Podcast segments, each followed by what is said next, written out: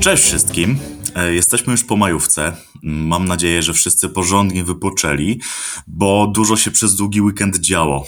Z tej strony Natan i zapraszam Was na 194 już odcinek podcastu CyberCyber. Newsy na dzisiaj. Pierwszy. Błąd w obsłudze DNS może dotyczyć milionów routerów oraz urządzeń IoT. Drugi. e, Switche Aruba i Avaya są podatne na Remote Code Execution. Trzeci. Otwartoźródłowe narzędzie Package Analysis znajduje złośliwe pakiety JS i Pythona. Czwarty. Szpiedzy używia, używają kamer IP, które pomagają im instalować backdoory i kraść maile Exchange. Piąty. Bugi w ransomware'ach Conti, Rival, Logbit wykorzystane w celu uniemożliwienia szyfrowania. Szósty. Nowy ransomware powiązany z grupą północno-koreańskich hakerów. Dzisiaj będzie trochę o, no właśnie, poważnych podatnościach, e, bo związanych z oprogramowaniem firm trzecich. E, Zawsze, jeżeli jak czytam takie newsy, to, to dziwi mnie to, e, jak e, szeroko zakreślone mogą być konsekwencje no, takich, takich błędów. Mm, No i o tym też, też jest ten, ten pierwszy news. Mm, Podatność w komponencie DNS w bibliotece standardowego C, obecnej w szerokiej gamie produktów IoT, może narazić miliony urządzeń na ryzyko zatrucia DNS. Atakujący może zastosować tę technikę, aby przekierować ofiarę na kontrolowaną przez siebie witrynę po wpisaniu poprawnej nazwy domenowej prawowitego serwisu.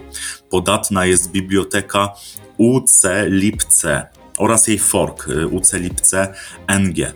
Oba warianty są szeroko stosowane przez dużych vendorów, takich jak Netgear, Axis, Linksys, a nawet dystrybucje Linuxa, robione pod wbudowane aplikacje. Mm, Podatność polega na możliwości przewidywania ID zapytań DNS-owych, które w implementacji są inkrementowane względem ID ostatniego zapytania, co w połączeniu z przewidzeniem source portu, e, no a warto tu dodać, że no nie każde urządzenie korzysta z losowych e, portów źródłowych.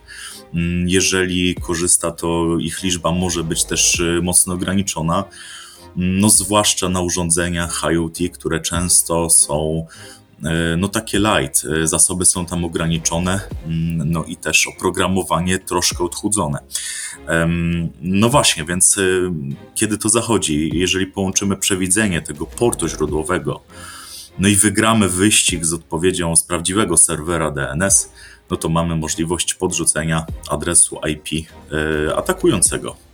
Złe wieści są takie, że fix na tę podatność nie jest jeszcze dostępny, ani też nie ma jeszcze przypisanego CVE.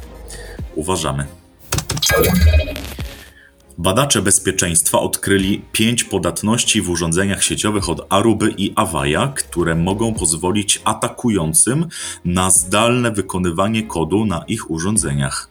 Szkody wyrządzone przez taki atak mogą obejmować wyciek danych i całkowite przejęcie urządzenia, a w konsekwencji techniki lateral movement i przekształcanie sposobów segmentacji sieci, czy w ogóle przekształcanie sieci jako takiej. Jest to ponowne zagrożenie spowodowane zewnętrzną biblioteką.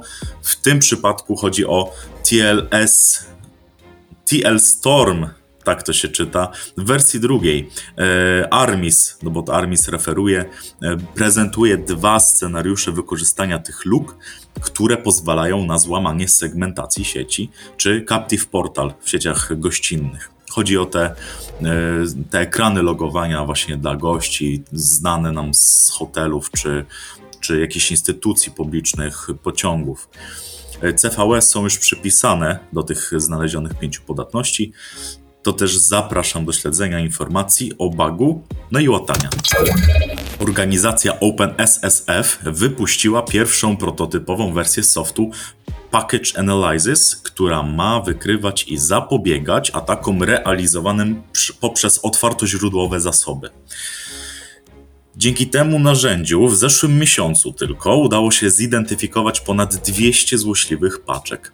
Jak twierdzą osoby zaangażowane w projekt, narzędzie to próbuje określić zachowanie i możliwości pakietów, czyli do których plików uzyskują dostęp, z jakimi adresami się łączą, czy jakie komendy wykonują. Ponadto narzędzie śledzi zachowanie pakietów na bieżąco, mm, aby określić, kiedy bezpieczny pakiet zaczyna zachowywać się podejrzanie. Także wstrzykiwanie do wstrzykiwanie złośliwego kodu do pakietów o dobrej reputacji no potencjalnie nic tu nie da. Trzymamy w każdym razie za to kciuki. Nowo odkryta i jak się okazuje bardzo skuteczna grupa APT przeczesuje sieci korporacyjne, aby kraść e-maile Exchange, zarówno te przechowywane on-premise, jak i online. Od y, pracowników zaangażowanych w transakcje korporacyjne, mm, jak również tych związanych z zarządzaniem czy IT. No, chodzi tutaj głównie o wysoko postawionych y, pracowników czy, czy funkcjonariuszy. Badacze z Mandianta śledzą tę grupę pod pseudonimem UNC3524. Twierdzą, iż grupa zademonstrowała zaawansowane techniki, na jakie stać niewiele osób i w niektórych przypadkach posiadała dostęp do środowisk swoich ofiar przez więcej niż 18 miesięcy, półtorej roku. E, no tutaj przesłanki, żeby nazwać tę nową grupę grupą APT zdecydowanie są spełnione. Unikali oni wykrycia dzięki operowaniu na środowiskach, które nie były objęte systemami bezpieczeństwa, włączywszy w to serwery na nietypowych wersjach Linuxa czy urządzeniach sieciowych o niedopracowanych systemach operacyjnych. Często wykorzystywali wzmożony ruch sieciowy, aby maskować swoje działania. No i teraz trochę o tych kamerach. Kanały C2, e, które zidentyfikował Mandiant, obejmowały właśnie te kamery. Głównie to były sale konferencyjne, mm, no i kamery pochodziły od vendorów e, takich jak LifeSize czy D-Link w jednym przypadku, jak dotąd. Mm, no i ten case pokazuje, jak zwiększone możliwości dla atakujących, y, a zwiększone wyzwania dla broniących się y, no, wprowadza gwałtowny rozwój internetu rzeczy. Ta domena dla hakerów gwałtownie się powiększa i będzie powiększać y, zgodnie z gwałtownym trendem rosnącym no, w najbliższych latach. Wszystkie lodówki, auta, te sprawy domowe również pod to podpadają. Mandiant wskazuje szanse na detekcję głównie w monitorowaniu zdarzeń sieciowych, e, w tym przypadku związanych z SSH, no ale na portach innych niż 22, czyli tym e, domyślnym. Temat jest oczywiście nieco bardziej złożony e, co do detekcji, także poszczegóły zapraszam do raportu. Hakerzy często wykorzystują luki w sieciach firmowych, aby uzyskać dostęp do nich, ale researcher Hyperlinks e, z trójeczką zamiast E tym razem wykorzystał luki w malware'ze, aby uniemożliwić jego działanie. No i dzisiejszy news o hakowaniu e, hakerów. Malware z popularnych kampanii ransomware'owych jak Conti, Rival, Logbit czy Blackbasta, o którym mówiliśmy zresztą w odcinku 191 e, są podatne na DLL hijacking, metodę zazwyczaj wykorzystywaną do wstrzykiwania złośliwego kodu do aplikacji. Ta podatność działa tylko na Windowsach, niestety, i wykorzystuje sposób, w jaki aplikacje wyszukują potrzebne im biblioteki i ładują je do pamięci. E, jak wiadomo, badacz bezpieczeństwa skompilował plik DLL o odpowiedniej nazwie, bo okazało się, że malware szuka sobie po nazwie po prostu odpowiedniej DLL-ki. No i po czym zaprezentował, jest filmik z proof of concept, że malware opierając się jedynie na tej nazwie ładuje bibliotekę do pamięci i pracuje dalej. No a raczej nie pracuje, bo tak spreparowana biblioteka powoduje, że malware po załadowaniu zależności e, kończy pracę, no i nie szyfruje. E, a więc e, cóż, no jest to jakiś środek zapobiegawczy, natomiast nie jest pewny, no bo żeby e, to zadziałało, należy rozmieścić e, tak przygotowane DLL-ki w miejscach w systemie, do których lubią zaglądać atakujący. Mam tu na myśli na przykład zasoby sieciowe e, bogate w pliki, obfite. Mm, no i no właśnie, nie mamy pewności, czy ten ransomware wykona się mm, no, w, zasięgu, w zasięgu tej DLL-ki. Ponadto no tu nie ma pocieszenia dla osób, które już padły ofiarą szyfrowania. Niestety, y, no nie jest to łamanie szyfrowania, a zapobieganie szyfrowaniu. Kilka nowych ransomware zostało powiązanych z grupą APT-38, sponsorowaną przez Północną Koreę, specjalizującą się w kradzieży środków z instytucji z całego świata. O tej grupie głośno jest ostatnio, często wspominamy. Powiązania z tą grupą zostały znalezione dzięki znacznemu podobieństwu kodu i artefaktów z innym malwarem, który grupa rozpowszechniła. Ponadto zostały zrobione wizualizacje kodu na podstawie mapowania krzywej Hilberta. Powstały w ten sposób e, obrazy reprezentujące kod źródłowy i jego funkcjonalności porównywanego malware'u są identyczne.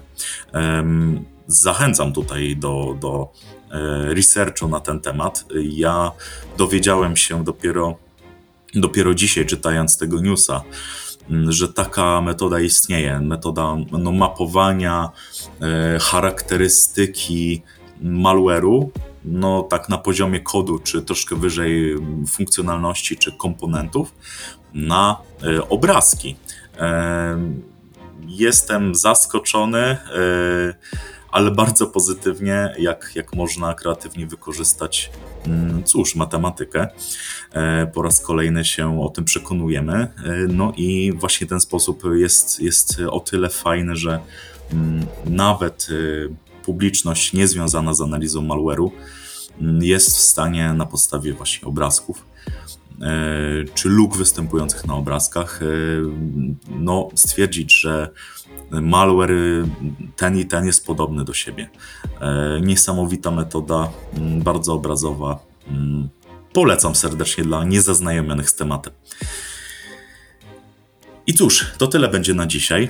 Ode mnie to wszystko. Przy mikrofonie był Natan. Pomajówkowy podcast dobiegł końca. Sporo się działo. Głodnych wiedzy. Zachęcam jeszcze do, do researchu. Nie zawarłem tutaj wszystkiego, co się działo przez te parę dni, ale próbowałem. Yy, I cóż, cześć wszystkim.